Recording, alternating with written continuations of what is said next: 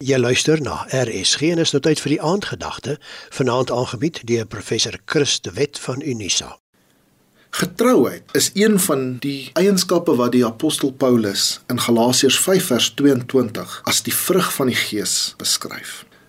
Een van die moeilikste dinge vir ons vandag om te doen is dikwels om te vertrou. Baie van ons word so teleurgestel deur mense wat ons seermaak, mense wat ons eintlik vertrou het en wat aan ons bewys het dat hulle nie vertrou kan word nie. Hulle het die teendeel van getrouheid eintlik aan ons getoon. Wanneer iemand se liefde in iets anders verander, soos valsheid en leuns, bedrieglikheid en bedrog, soms selfs geweld, dan is dit vir ons baie moeilik om weer te vertrou En dan wonder ons ook wat beteken getrouheid en ons bevraagteken dit. Dit maak dit baie moeilik om mense te vertrou. En dan gebeur dit ook ongelukkig dat ons nie eers vir God wil vertrou nie. Want wat as God my teleurstel? As mense my so teleurstel, is God dan getrou? Die wonderlike versekering wat ek vir jou vanaand wil gee, is dat God getrou is.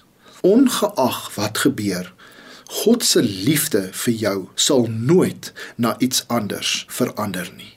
Dink aan hierdie waarheid. Daar is niks wat jy in hierdie lewe kan doen wat sal maak dat God jou minder liefhet nie. God se liefde vir jou is volmaak en volbring. En deur ons verhouding met 'n getroue God kan ons ook leer om getrou te wees aan ander en dan ook dalk ander stadig maar sekerlik te begin vertrou. Veral wanneer ons seer gemaak is, dan help dit ons om na die voorbeeld van Jesus te kyk, te kyk na die voorbeeld van God oor wat getrouheid beteken.